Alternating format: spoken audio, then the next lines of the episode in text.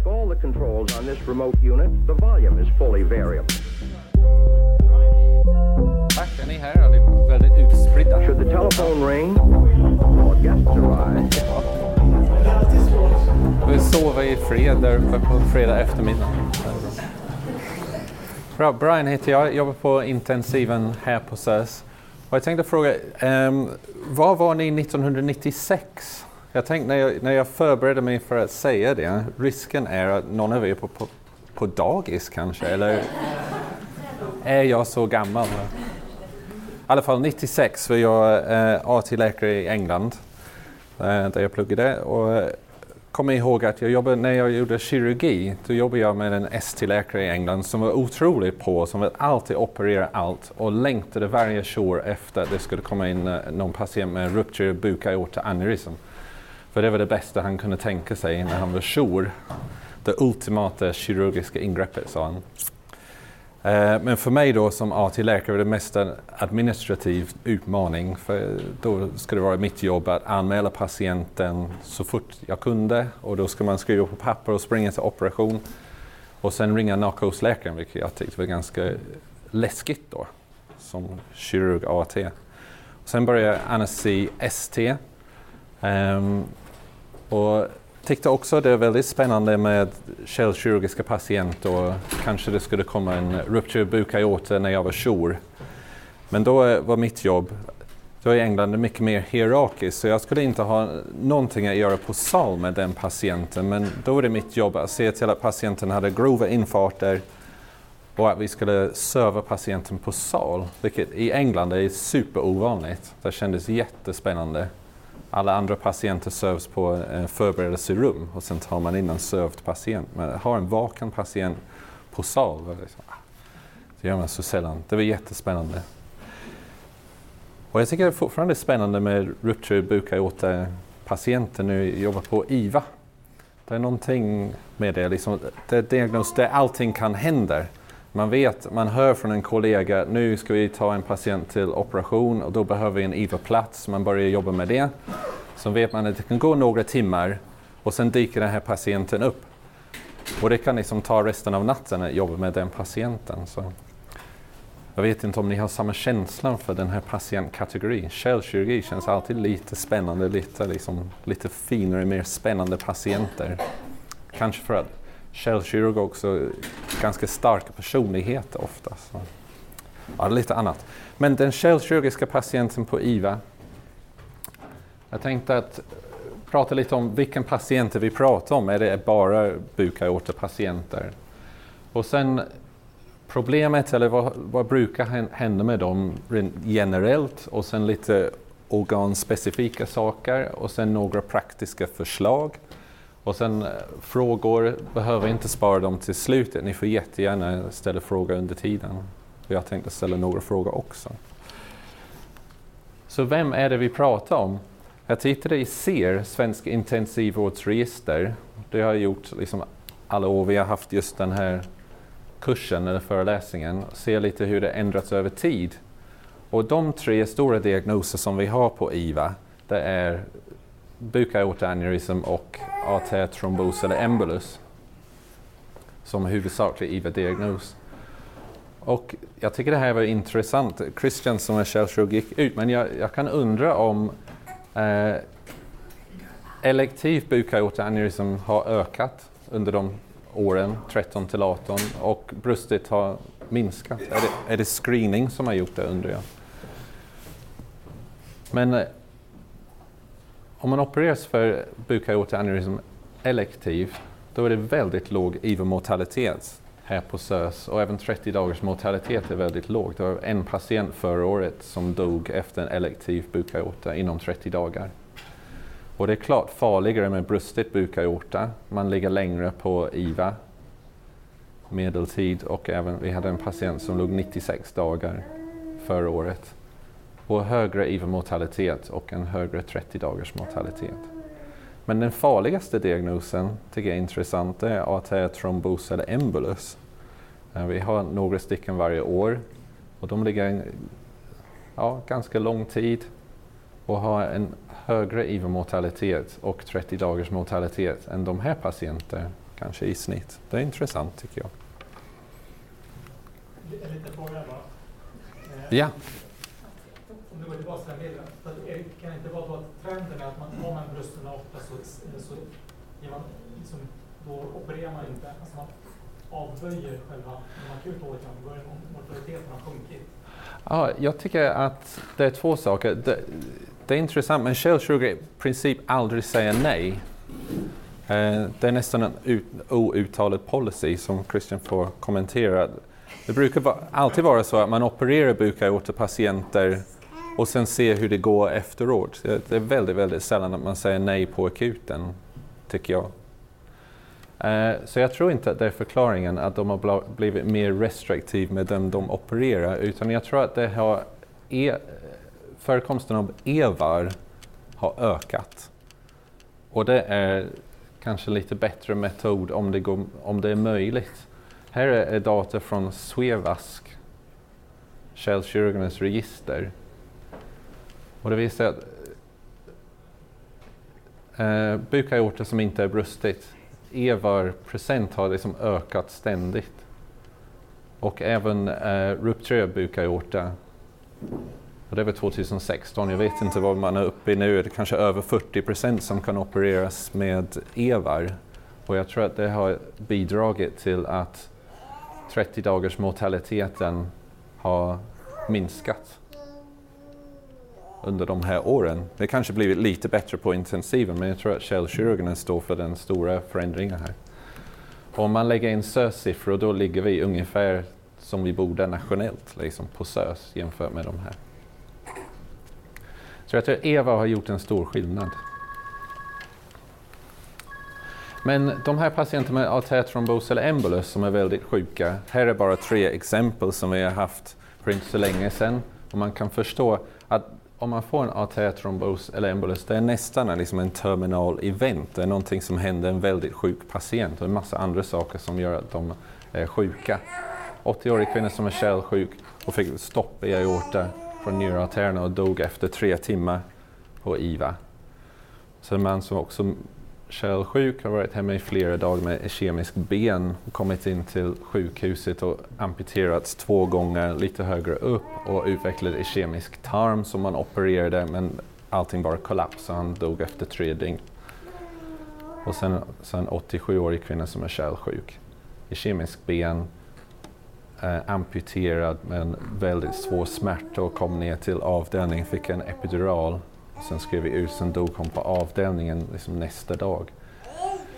Så de här patienterna ska vi inte prata mer om. De är väldigt, väldigt sjuka. Eh, tänkte vi kunna prata om en annan grupp. Och om man tittar på vem som brukar ligga hos oss. Det här är från eh, en tid där vi hade väldigt många kärlkirurgiska på, på IVA samtidigt med olika diagnoser. Vi hade en patient med, som vi vårdade efter en öppen operation för eh, torkalt aorta-aneurysm på KS som kom till oss postoperativ med lunginflammation och ARDS trackad. Vi skulle träna ut. Eh, patient med stopp i vena mesenterica superior med hotande tarmischemi och högt buktryck som låg hos oss. Eh, elektiv e EVAR med postoperativ komplikationer, aortoiliaca bypass, som utvecklade njursvikt kom till oss postoperativt på grund av hypotermi. Så en annan patient med en eh, ventrombos med eh, trombolys och sen en rupturerad bukaorta-patient som var kvar ganska länge på grund av ett delirium. Så det är massa olika liksom, kärlkirurgiska problem och det som jag tycker är intressant är några saker som är lite vanligare hos kärlkirurgiska patienter men är väldigt mycket vanlig IVA. Så de här patienterna liksom, de får lunginflammation och sepsis och delirium. Och det måste man också tänka på när man tänker på den kärlkirurgiska patienten på IVA. Så jag tänkte att vi pratar om båda saker, de specifika och den generella.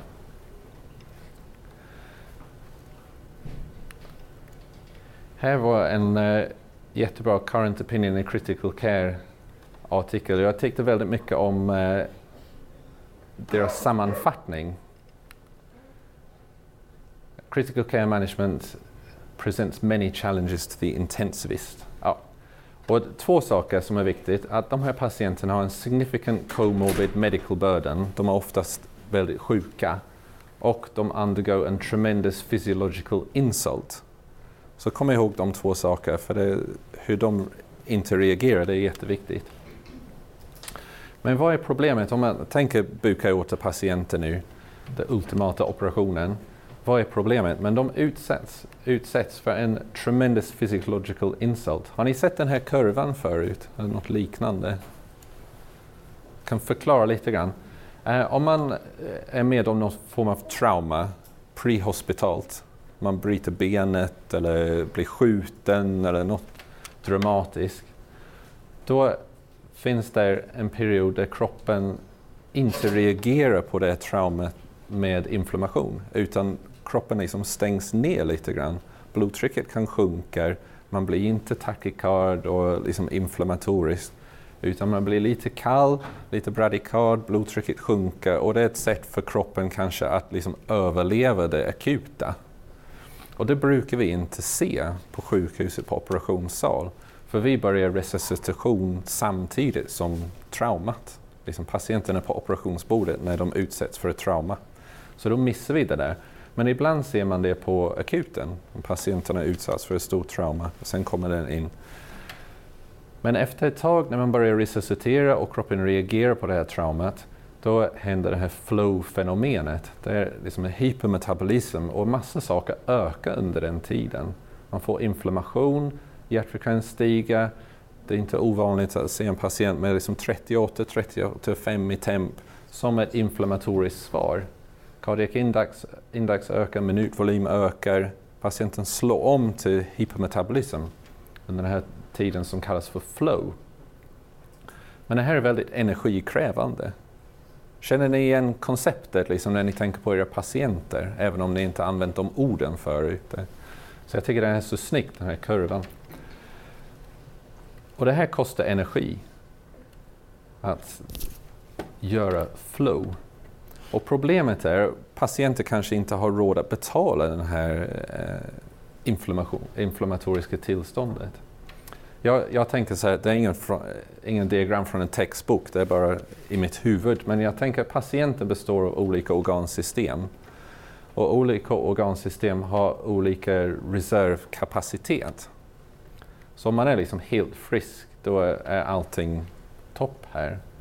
Men våra patienter och de som utsatts för kärlkirurgi till exempel har nedsatt eh, fysiologisk reserv i ett eller fler organsystem. Och liksom mönstret här är olika från olika patient till patient. Det här är den significant comorbid medical burden som de pratade om i artikeln. Sen utsätter man patienten för ett trauma, till exempel blindtarmsinflammation och en operation. Det blir ett flow-fenomen som kostar. Och sen Frågan är, har man råd i de olika organsystem att betala den kostnaden? Eller blir det någon form av organdysfunktion och svikt?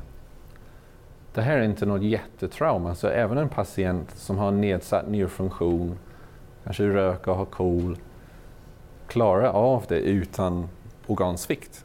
Liksom operation, uppis, avdelning, hem, funkar.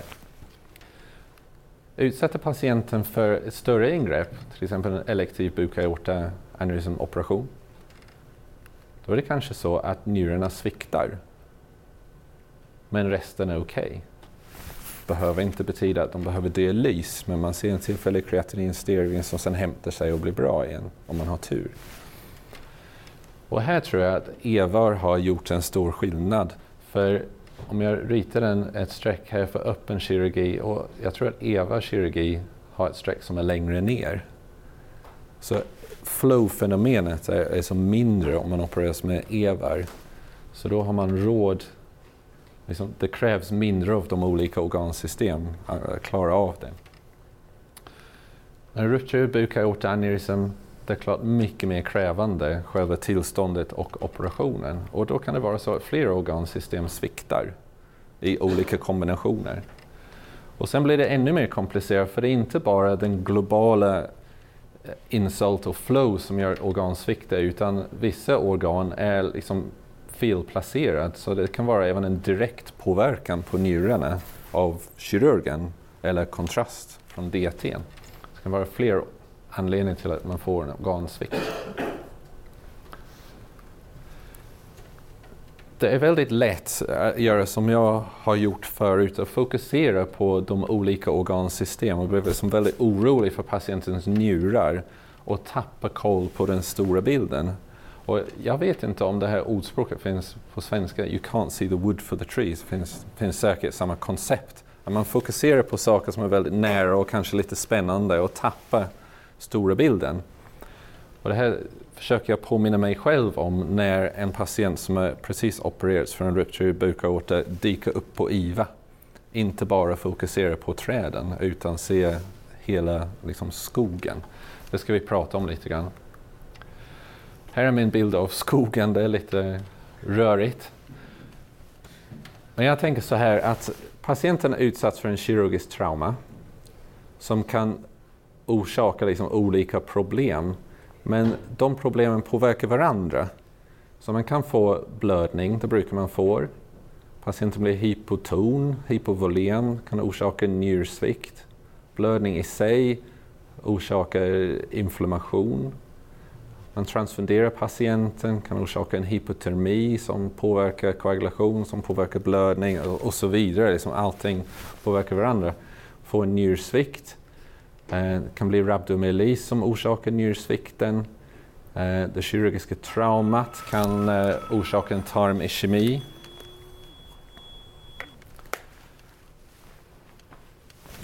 Och själva blödningen, stort retroperitonealt hematom och resuscitation kan orsaka en compartment syndrom som påverkar tarmen och njurar och så vidare. Liksom allting eh, påverkar varandra. Och samtidigt har vi en situation där patientens cirkulation är inte optimalt.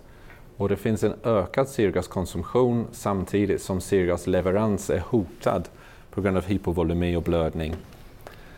Och det i tur är inte bra för organen, kan också bidra till njursvikt och inflammation och tarmischemi.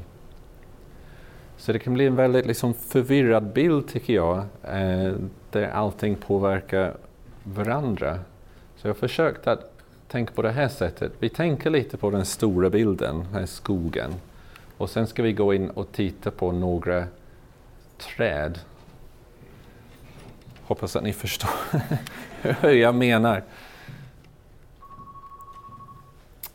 Så, tillbaka till den där um, ehm, eh, beskrivningen av eh, källkirurgiska patienter på IVA.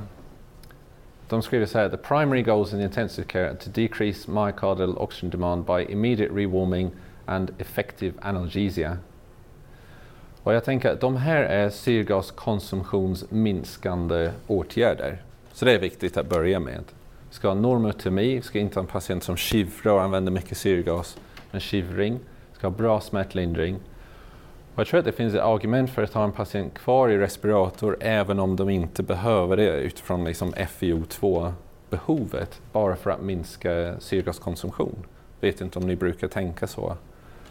Att, eh, jag brukar tycka att källkirurgerna är otroligt angelägna om att vi extuberar deras patienter, men patienten är orolig att det kommer att bli ett problem med syrgaskonsumtion, då vill man gärna ha dem kvar i ventilatorn för det är jättesvårt att få normotermi och bra smärtlindring om patienten är nyextuberad. Man har liksom ingen kontroll. Brukar ni tänka så? Ja, det tycker man ska tänka så. Liksom. Man kan vinna någonting med syrgaskonsumtion.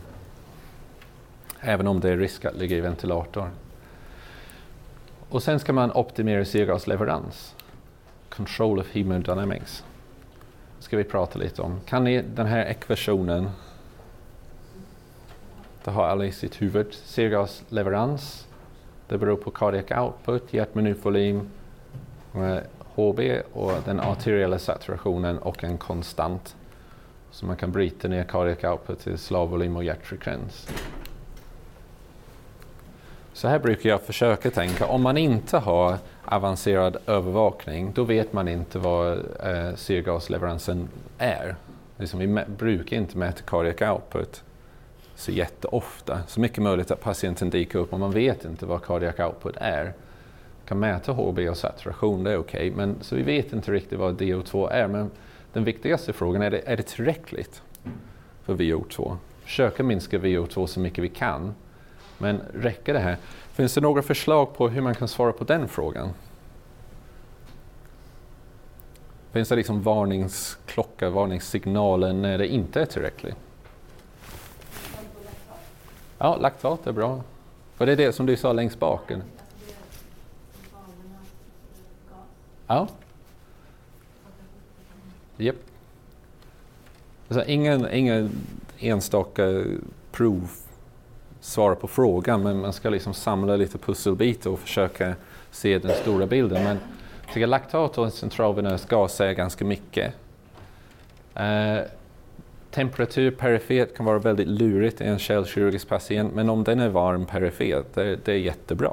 Om den är kall perifert, vi vet inte om det är operationen eller syrgasleveransen men varma fötter är lugnande. Sen kollar vi laktat och en centralvenös gas. Så om vi tycker att svaret är nej här, då är nästa fråga, liksom, kan vi göra någonting åt det? Kommer vätska hjälpa oss här? Eh, vad har ni för förslag här? Hur svarar man på den frågan? Det finns, finns lite olika sätt att göra det. Någon form av målstyrd vätsketerapi där man liksom utvärderar efter målsgivet sätt. Liksom att man ger och ser vad som händer. Och Precis, och det, det, är lite liksom, vad kan man kolla då? Liksom, jag håller med, man gör en bolus och ser vad som händer, men vad är det som man vill ska hända? Vad, vilken, vilka parametrar ska man ha koll på? Ja, absolut. De två borde bli bättre. Det kan ta lite lång tid och laktat är också lite lurigt. Men eh, jag håller med att eh, de borde bli bättre om det var ett problem som kunde lösas med vätska. Diarrés är också det är lite som varma fötter. Om patienten kissar då är det bra, men om de inte kissar då är det massa andra saker som kan ha orsakat det. Och den här är en av dem. Så det är lite svårt att veta vad felet är. Men absolut, en patient som kissar, är en, det här är, är nog okej. Men Man kan kolla med eko. Räknas av. ja, absolut, man kan kolla med eko. Men Jag definierar med laktat, om du har en situation där du har dålig perfusion och sen så vätskar du på så ökar perfusionen kan du ju rekrytera mer laktat. Eh, Så att hypotesen är att initialt stiger, men hur liksom länge Ja, det tycker jag det är en bra fråga. Eh, Kommer laktatet stiga när man får en bättre cirkulation? Och det tycker jag man ser ganska ofta efter öppen buk, eh, öppen aortakirurgi, när tarmarna har legat i en påse någon annanstans. Liksom. Och sen är de tillbaka och man får en bra cirkulation och sen finns det en washout-effekt. Och allt ser bra ut men laktat har stigit lite. Men det, det brukar gå över på en timme eller så. Och det brukar inte vara jättehögt. Liksom det kan gå från normalt till två och ett halvt, tre och sen tillbaka igen. Eh, absolut, det har, har man sett. Men laktat som persisterar eller går upp, eh, det är något annat.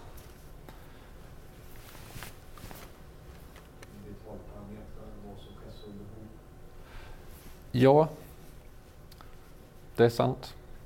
Den stora bilden. Jag tänkte lite, jag, jag tror att allt som ni har sagt är rätt. Hjärtfrekvens också, liksom en patient med normal hjärtfrekvens, det är också lugnande. Hög hjärtfrekvens kan vara många saker. Det är lite problemet att liksom det är många saker, om det är bra då är det bra, men om det är dåligt det är lite svårt att liksom man måste problemsöka lite grann. Jag tänkte lite på Starlings kurva. Jag vet inte om ni tänker så, om man har en ATNO som man brukar ha, då kan man använda den här lite grann. Titta på pulse tricks variationer. För, förstår ni konceptet?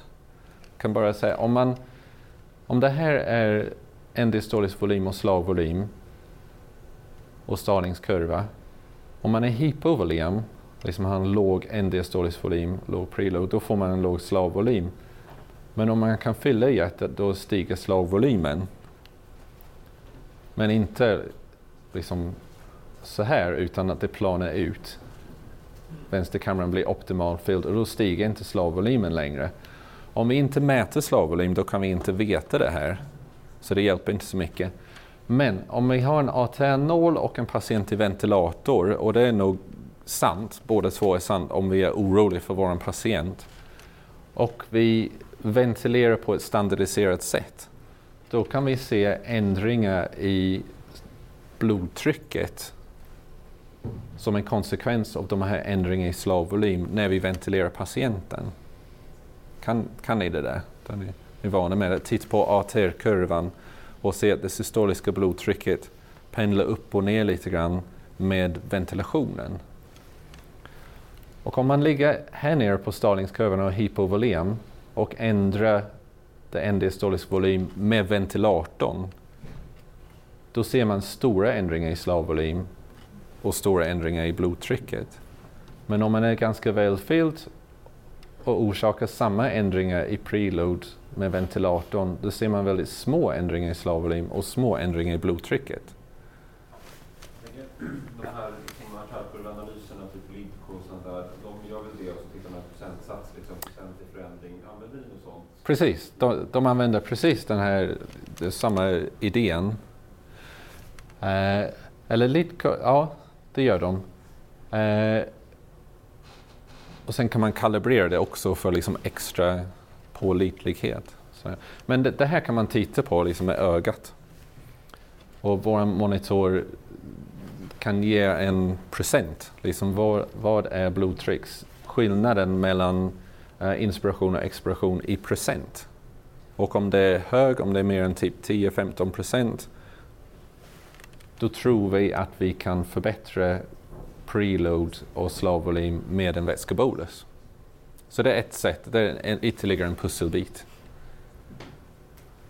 Använder ni det här, liksom, tittar ni på kurvan eller pulstrycksvariation eller ja, operation?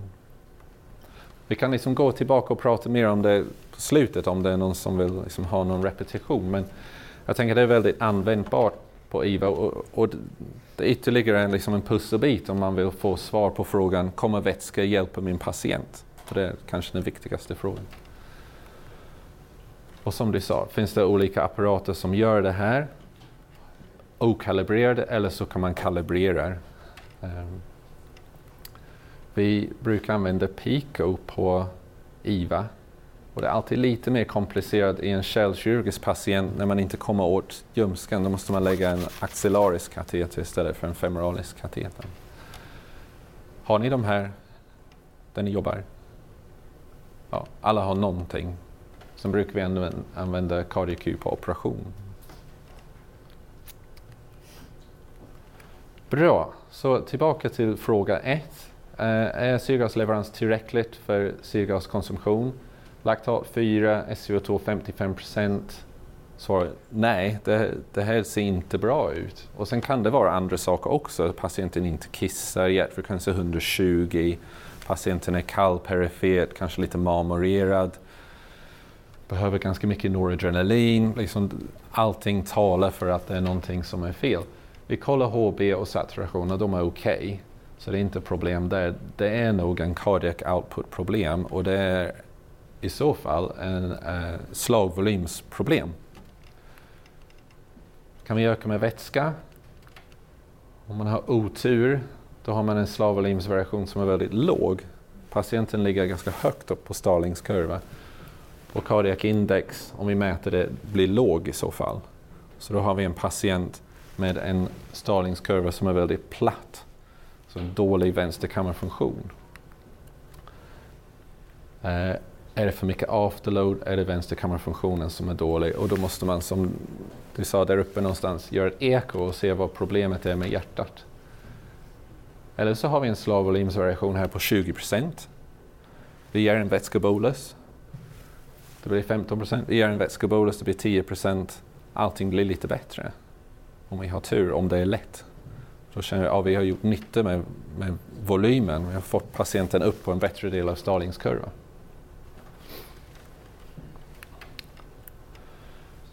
Och sen får vi inte glömma perfusionstrycket. Här har vi bara pratat om flöde, men trycket är också viktigt. Eh, vad har patient för medelarterietryck, för organperfusionstryck? Vad vi vill, ha- vad vi vill ha för, för mål där? Vad brukar ni säga?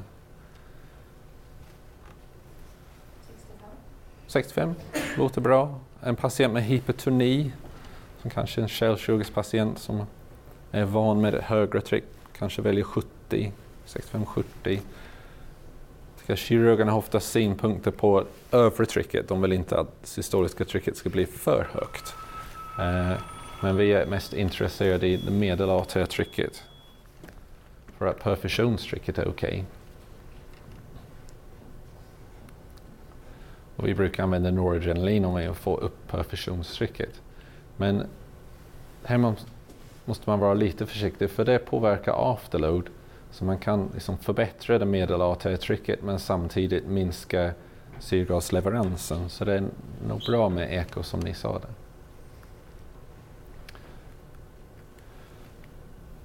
Så vi börjar med syrgaskonsumtionsminskande åtgärder.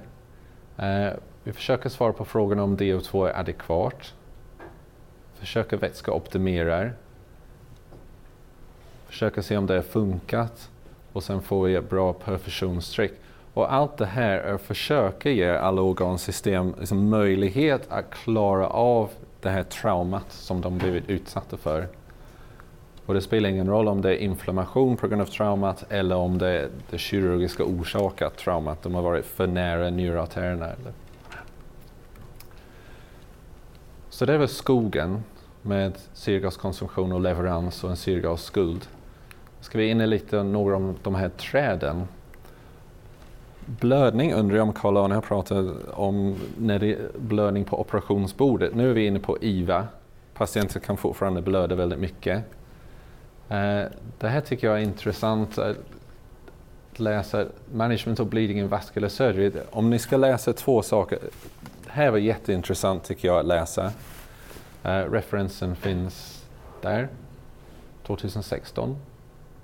Och jag tycker det brukar alltid börja med en rolig mening, lite som den andra. Management of acute coagulopathy and blood loss during major vascular procedures poses a significant hemostatic challenge to anaesthetists.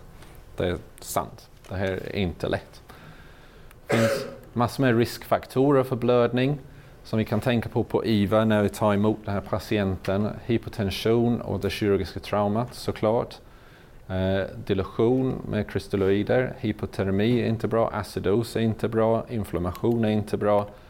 Och sen är det mycket möjligt att patienten står på läkemedel som påverkar hemostas redan innan och mycket möjligt att de fått heparin peroperativ. Så det är massor riskfaktorer att tänka på. Varför är? Eh, för att det orsakar inflammation. Och inflammation i sig sätter igång koagulationskaskaden och då eh, konsumerar man koagulationsfaktorer. Det är lite som, det finns, det är intressant om man läser eh, major hemorrhage efter trauma. Den, den stora delen av forskningen med, med blödning eh, i traumapatienter finns väldigt lite i opererade patienter. Och i trauma är det här en mycket större grej.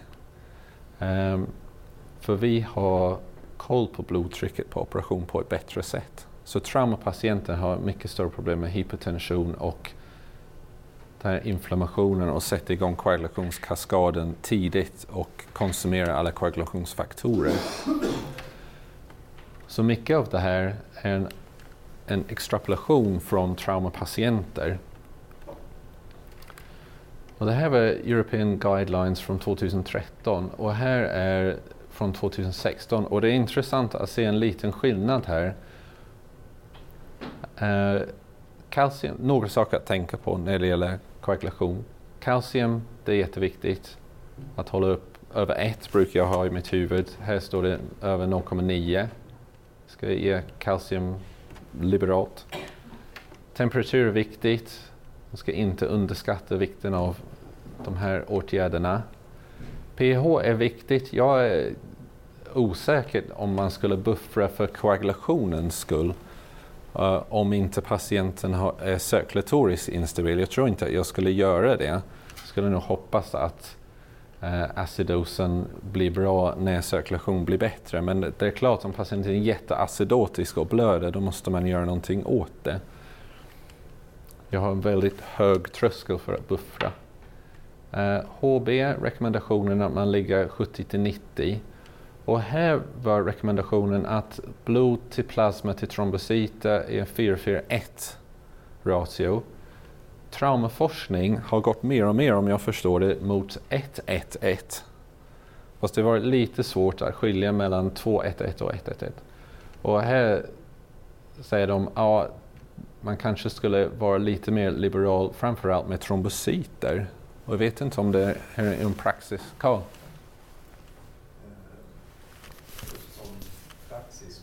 Alltså det hade ju varit väldigt intressant att se om det överhuvudtaget går att gå över till på väldigt många sjukhus. För trombocyter, jag vet faktiskt inte hur många enheter vi har här. Men 111 på en stor blödning, det tror jag att det kan bli tufft ganska snabbt. Ja, nej, jag håller med. Och jag har inte varit med om att vi har gjort det här någon gång. Eh, jag har fortfarande 441 i mitt huvud. Men inne på IVA, ja det här är bleeding vascular surgery och de menar mest på operation och de försöker extrapolera från traumaforskning inne på operationssalen och erkänner samtidigt att det finns stora skillnader.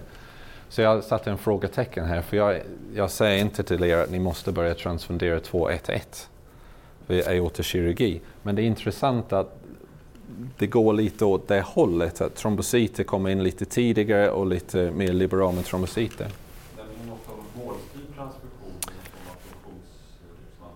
Precis, det tänkte jag komma till. Jag tror att det är svaret egentligen, att det här uh, bundle steered, det kanske går över till point of care mätning. Eh, och rekommendationen nu är från dem i alla fall att man inte ger mycket fibrinogen utan att man har kollat med Rotem först. Eller skickat iväg fibrinogen-test. Men jag tror att point of care testing, och då menar jag Rotem, för oss är inte point of care, vi måste skicka iväg det, men man får ett väldigt snabbt svar i alla fall. Åtminstone inne på IVA blir väldigt viktigt att transfundera rätt. Och den lilla forskning som finns visar att om man gör det, då behöver man ge mindre transfusionsprodukter. För man brukar överskatta behovet om man inte mäter. Så jag tror att det är helt rätt att vi ska ha målsted eh, och mäta oftare med rotem. Det är take home message till mig själv. Eh, viktigt att en är under 1,6. Ja, rotem-bild som vi har här. Har ni alla tillgång till det? Kan skicka iväg? Vad jobbar du? Sen göra? Ja. Så vi skickar iväg vanliga koagulation, eller liksom prover och rotem. Um, ehm, och oftast tycker jag rotem säger att koagulation ser bättre ut än de andra koagulationsprover. Jag vet inte om ni känner samma sak. Christian? Jag var lite inne på att ehm, när, om man ska transfundera och vilken gräns när i det postoperativa förloppet man befinner sig. Att om man har en, en patient som har fått bindruptur, det har varit en kämpig operation och man går av bordet, kanske fortfarande har lite så här diffusa blödningar som man tror är medicinska, kanske till stor del, um, så är man ju mer liberal med att transfundera än om det är en patient som är dag fyra och som stadigt har sjunkit i THB. Nej men absolut, ja.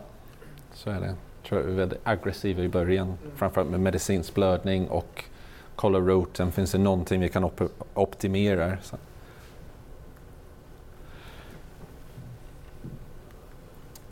Eh, uh, Cyklokapron rekommenderas, Octostim inte rekommenderad och eh, de tyckte att man skulle prata med koagulationsjour innan man ger faktor 13 och faktor 7. Och det är vår praxis här. Jag har nästan aldrig givit dem överhuvudtaget. Yes.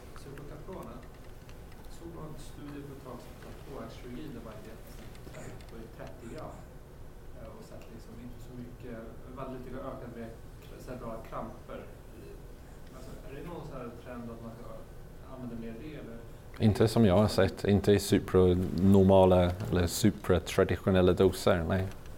Inte som jag känner till. Christian vet ju något om det? Nej.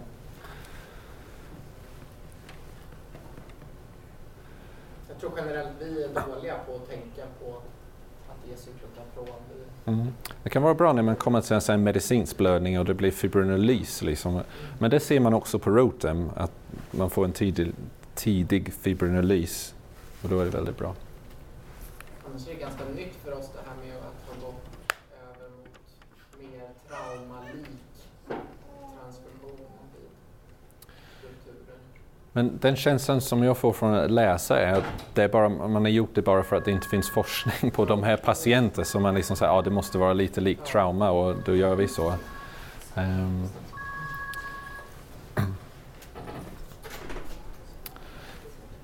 Jag upptäckte när jag tittade på de här träden och litteraturen att det blir lite, jag vill inte låta för liksom nihilistisk och säga vi vet inte, liksom, det var inte så spännande som jag trodde. Men det är verkligen min känsla att typ med blödning, det, det är så lite vi vet. Så att mäta ofta och vara aggressiv i början, det är en bra take home message. Och precis vilken ratio man ska ge, det kan jag inte säga, men det kan inte någon annan säga heller. Um, men det är okej okay att, att, gå in tidigare med trombocyter, tror jag. Kanske viktigt. Uh, ehm, njursvikt. Uh, Eh, riskfaktorer för njursvikt efter eh, uh, aortakirurgi.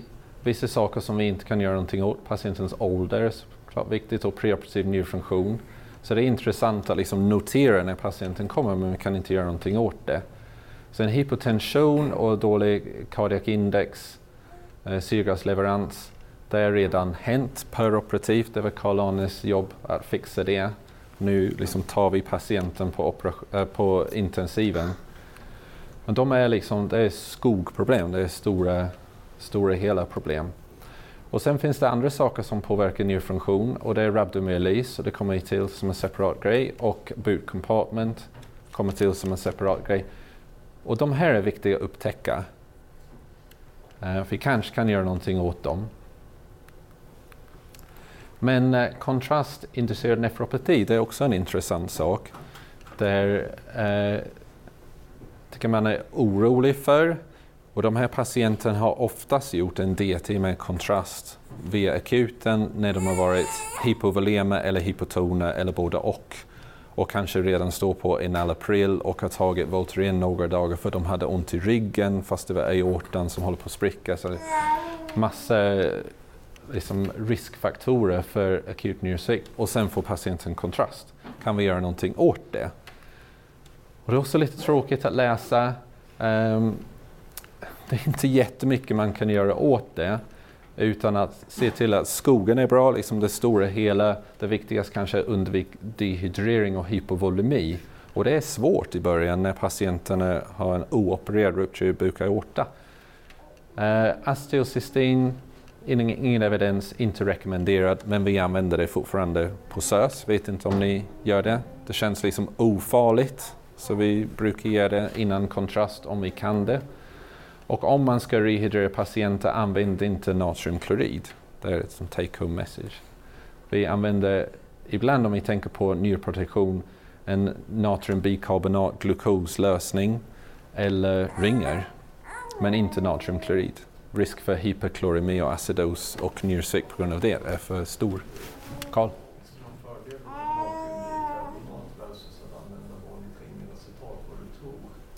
Eh, nej, ingen jätte... Ja, oh, Ja, precis. Det är risk för en hyperklorin-metabol-acidos eh, vilket är inte bra för njurarna. Så jag tror om man... det är som min take home message, undvik natriumklorid. Om man blandar natriumbik och glukos, fine, eller ringer. Och jag känner inte till någon stor liksom, skillnad mellan de två. Men det är svårt att uh, rehydrera en uh, patient som blöder, som inte är opererad, det förstår jag. Men, så det är inte jättemycket vi kan göra åt det här, men det är en viktig riskfaktor att uh, ha i sitt huvud när man funderar på var patient, varför patienten har utvecklat akut njursvikt och inte kissar.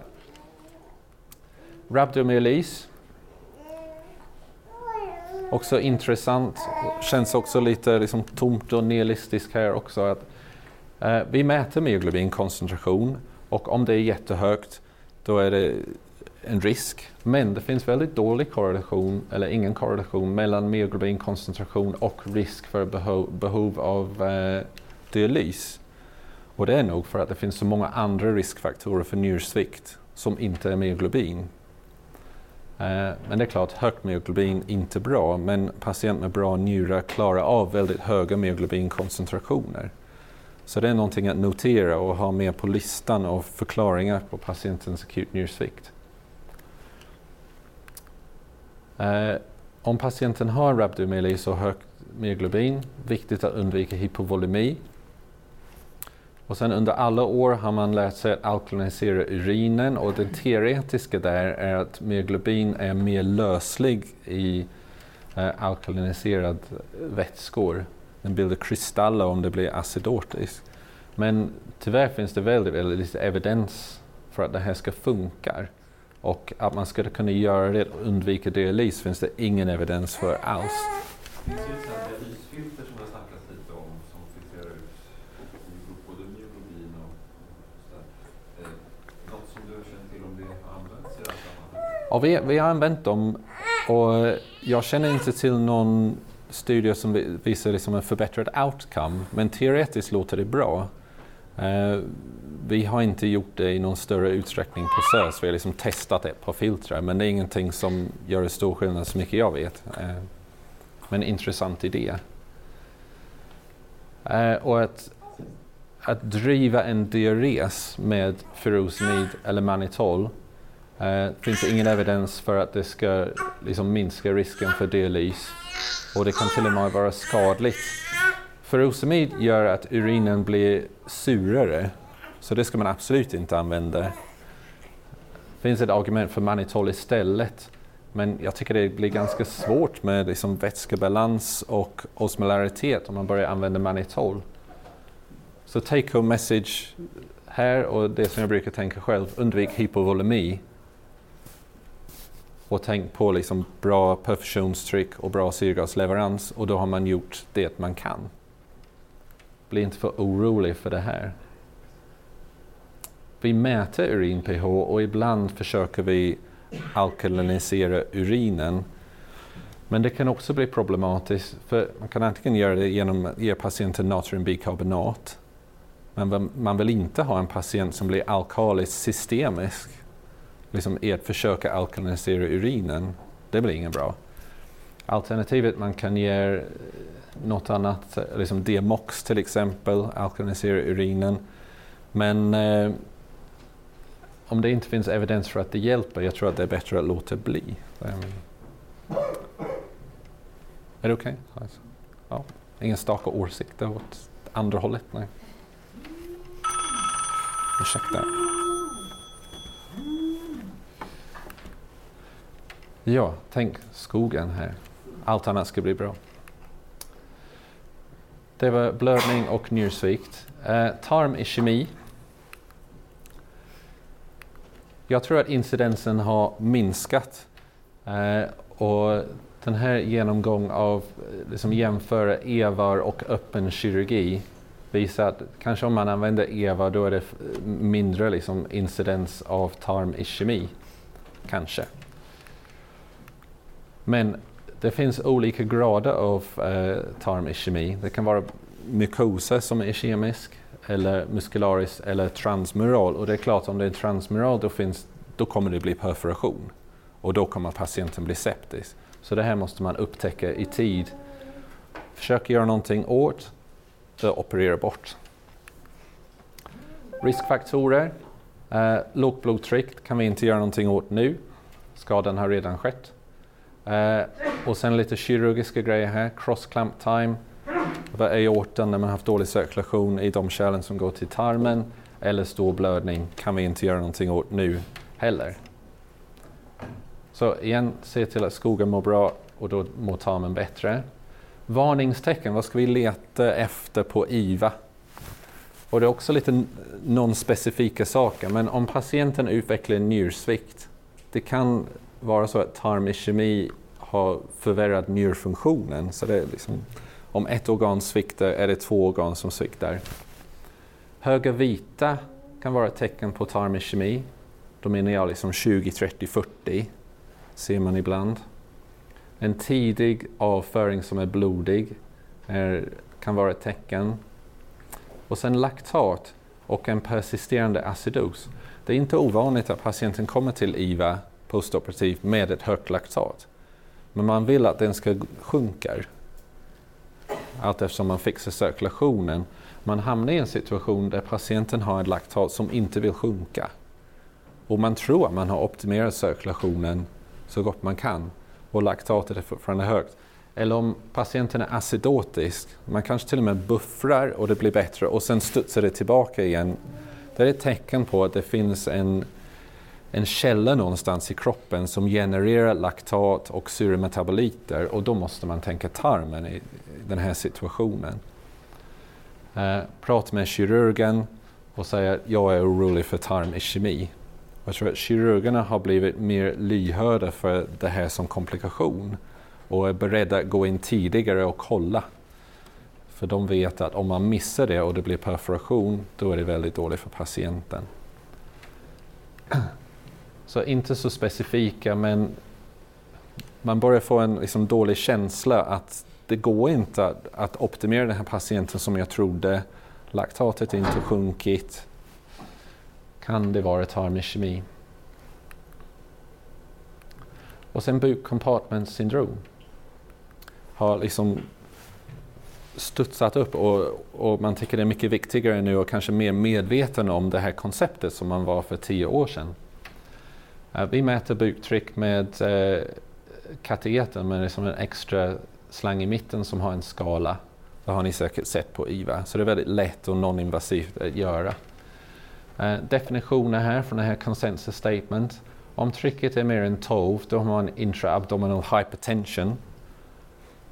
Och om trycket är mer än 20 och man har ny organdysfunktion då har man uppfyllt definitionen av abdominal compartment syndrome.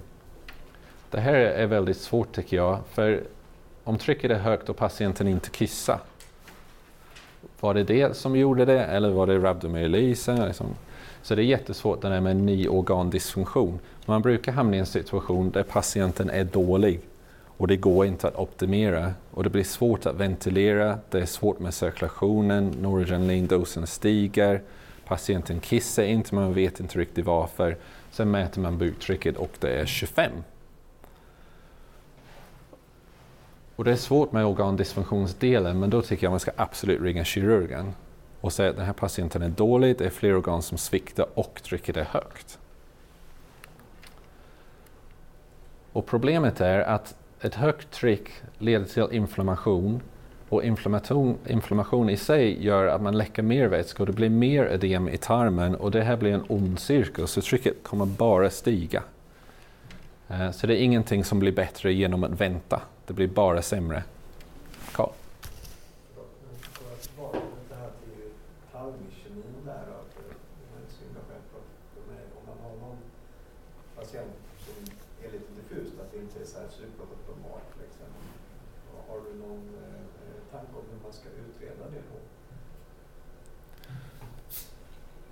Ja, mer än de prover jag visade. Jag skulle ta vita och titta på laktat och syrebasbalansen. Och,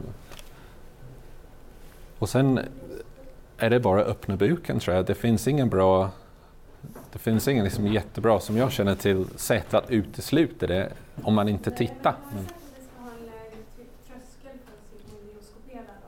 ja, okej. Okay. Ja. ja, men det är en bra mellanväg. Någonting man kan göra innan man öppnar buken. Men, ja. Och sen kanske man ser en mukosa ischemi. Är det, kan man skilja mellan en mukosal ischemi och en transmural ischemi? Inte som jag vet, men jag... Nej, så, ja, men det är ytterligare en pusselbit. Jag antar att det inte är liksom en binärt ja nej utan man blir mer eller mindre orolig. Men eh, det var bra att du sa.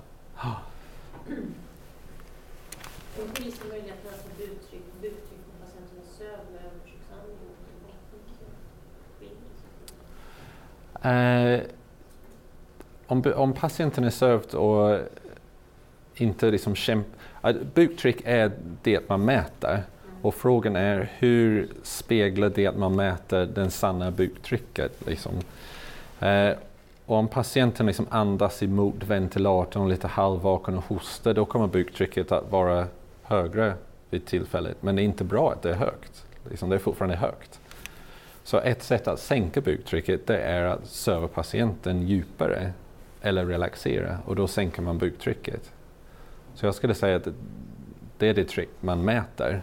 Sen finns det olika sätt att minska trycket men det är inte mindre farligt för att patienten är vaken om du förstår vad jag menar. Och det är jämförbara mått att mäta uttrycket patienten är vaken Ja, man gör på samma sätt och det är fortfarande trycket som fortplantas vid urinblåsan med alla de felkällor som finns. Men, eh, fanns det en annan fråga? Ja, så bukkompartment blir inte bättre genom att vänta. Det är eh, budskapet där. Eh, vad kan man göra åt det? Om man sänker trycket, då ska man ta bort någonting eller relaxera muskulaturen. Så man kan, om inte patienten är sederad, då ska man sedera patienten, smärtlindra så att de slappnar av. Man kan sätta en ventrikelsond, eller en rektalsond och få ut luft eller vätska. Eh, man ska vara försiktig med vätskebalans och nu ska vi ge vätska bara om vi tror att vi kan förbättra syrgasleveransen. Eh, och jag tycker det finns en roll för att starta dialys tidigt så att inte vätskebalansen blir onödigt positiv. Och det är klart att man ska försöka optimera syrgasleveransen men det är jättesvårt om patienten har en compartment syndrom för hela cirkulationen blir påverkad. Åtgärder. är dekompression, måste öppna buken. Och jag tycker det är mycket lättare att prata med kirurgerna om det här än det var för tio år sedan. Eh, tillbaka till operation, dekomprimera och då bruk, har ni varit med någon gång om en patient med bukkompartment som ni har haft på operation? Det kan vara väldigt dramatiskt för det är som en döende patient som ni kopplar upp och så fort man öppnar buken jag vet att du har sett det här Karin. Då blir ventilatorn, liksom, då sjunker trycket i ventilatorn. Det blir plötsligt mycket lättare att ventilera. Blodtrycket stiger, man stänger av noradrenalinet. Liksom, det kan ha en enormt effekt på liksom, två minuter när man släpper på trycket. Det är väldigt spännande att se. Och sen, och sen kommer tillbaka patienten eh, med en sån här VAC-behandling för att ge extra plats. Förr var det mycket svårare att få göra innan vi hade en VAC. Ja, För det var ju, det rann ju vätska över just det. Ja, Det var ju liksom öppet ända in och det gick inte att sköta patienten. ja. Han badade ju i bukvätska. Ja, det är mycket mer komplicerat att öppna. Och jag tycker att kärlkirurgerna här är jätteduktiga på att göra en bedömning när de ser ihop. Liksom, är det en risk för högt buktryck, då gör vi inte det. Utan patienten kommer till IVA med en VAC redan från början. Och sen väntar man några dagar tills man kan rekrytera vätska igen och hematomet börjar ta sig upp och tarmarna kommer igång och då kan man se ihop buken. Så det är inte ovanligt att de kommer med öppen buk redan från början.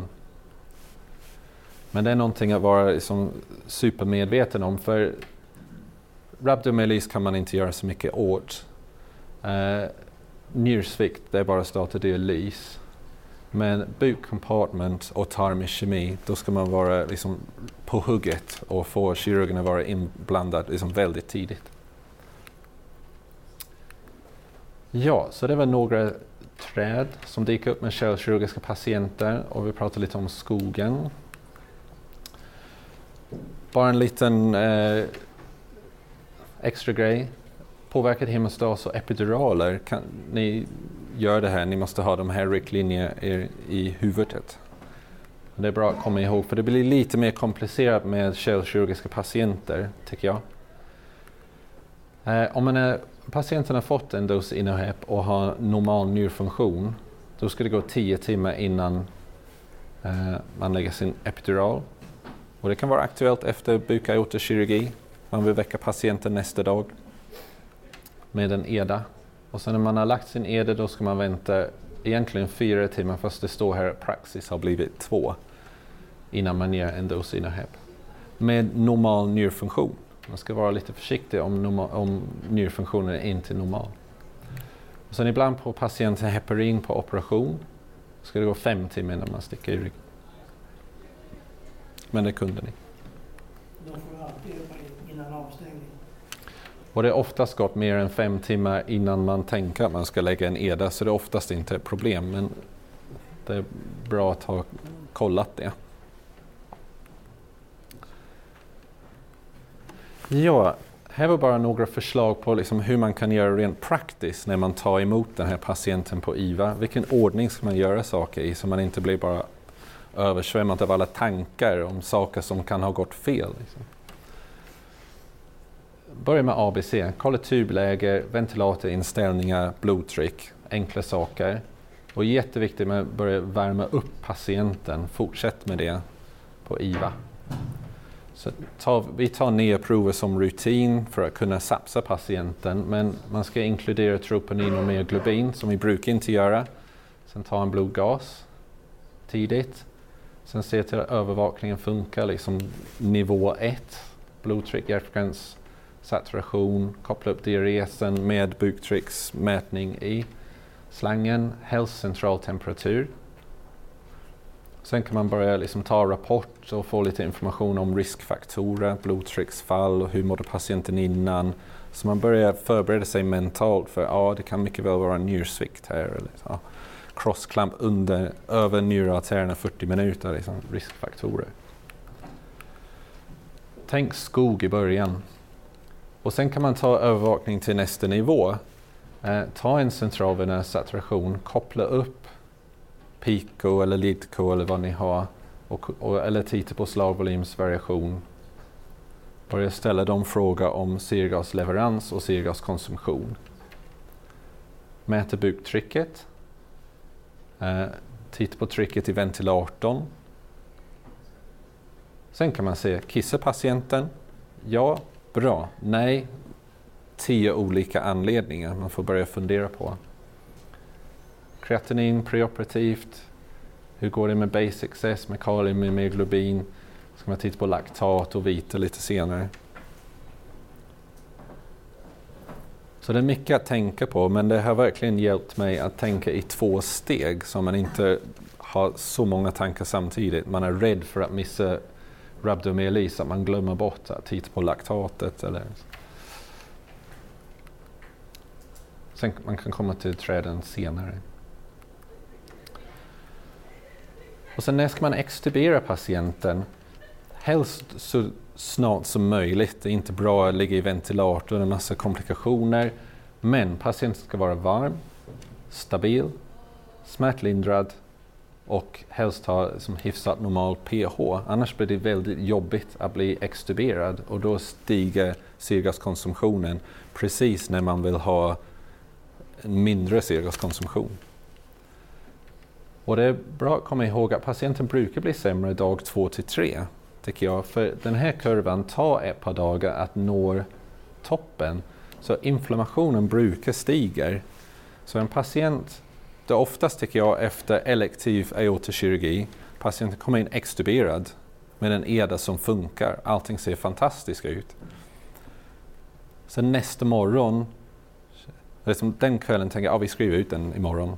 Mår så bra. Liksom nästa morgon, har behövt lite mer syrgas, lite andfådd, diuresen har sjunkit, kreatinin har stigit lite grann, har inte riktigt kommit av noradrenalinet. Det är ingenting som är fel, man är bara här uppe på flow-svaret. Liksom. Patienten är maximal inflammatorisk. Nästa dag är allting mycket bättre. Patienten börjar kissa, mobiliserar vätska, behöver inte syrgas.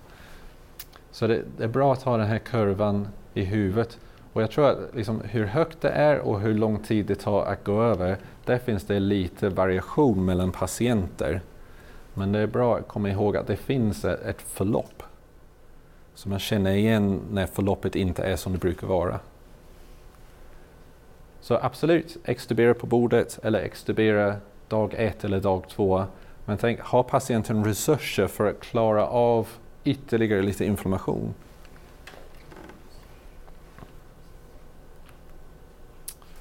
Ja, har ni frågor? Annars säger man fantastisk slutmening från uh, critical uh, current opinion. Vigilant monitoring in a specialized environment can lead to early diagnosis and treatment of complications with improved long-term outcomes. Det är jobbet Nu ska göra på IVA.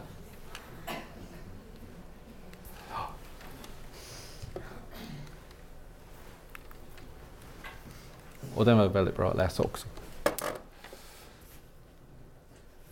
Frågor? Har jag inte sagt någonting som ni hade hoppats vi skulle prata om? Eller?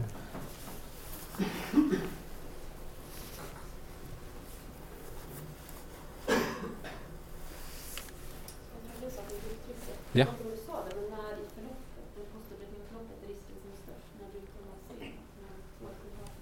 Um, ja, de gånger jag har sett det har det hänt inom 24 timmar. Men det är ingenting som säger att det inte kan komma senare. Eh, men jag har bara sett det tidigt.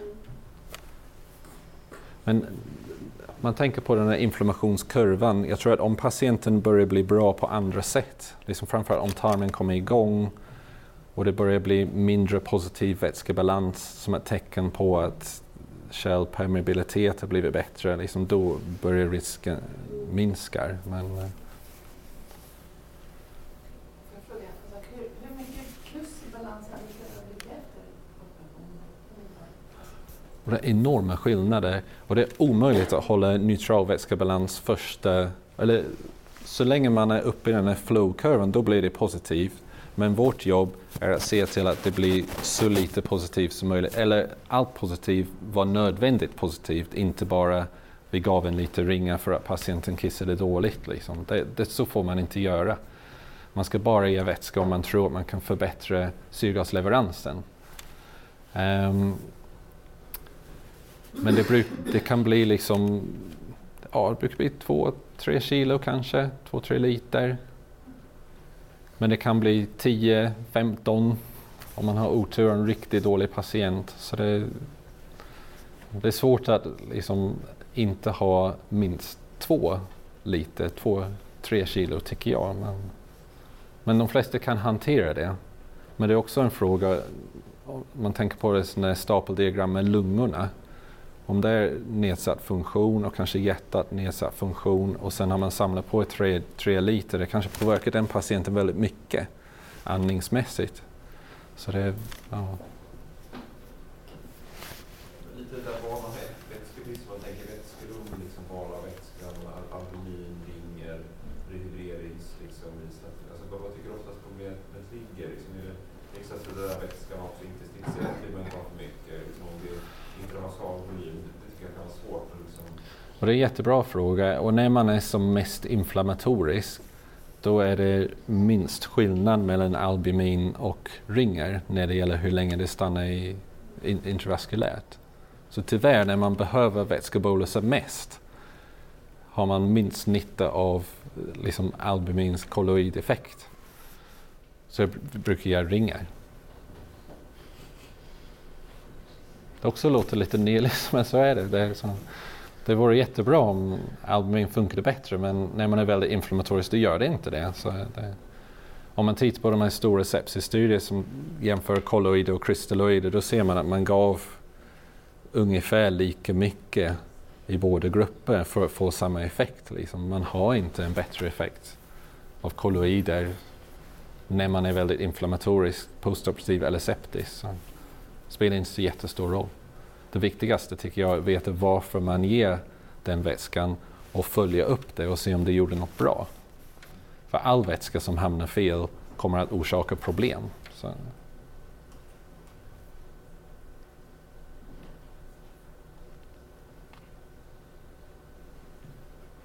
Andra frågor? Någonting till Karl-Arne som har dykt upp under dagen? Kärlsguden har gått. Malin kvar. Jag tänkte säga några gånger nu när jag pratade här. Det ni ska tänka på, det avvikande postoperativa förloppet Det gäller väldigt mycket de första dygnen på IVA här. Varför blir inte patienten pigg? Då måste ni jaga denna orsak till detta. Och då kan det vara tarmkemi, det är inte helt ovanligt. Eller något annat så att säga. Men ni får inte slå er till ro med, nej det kanske inte är något. Ni måste jaga detta och om det är tarmkemi så är en laparotomi som inte visar tarmkemi mindre skadligt än en missad tarmkemi. Det dödar fler patienter än en laparotomi.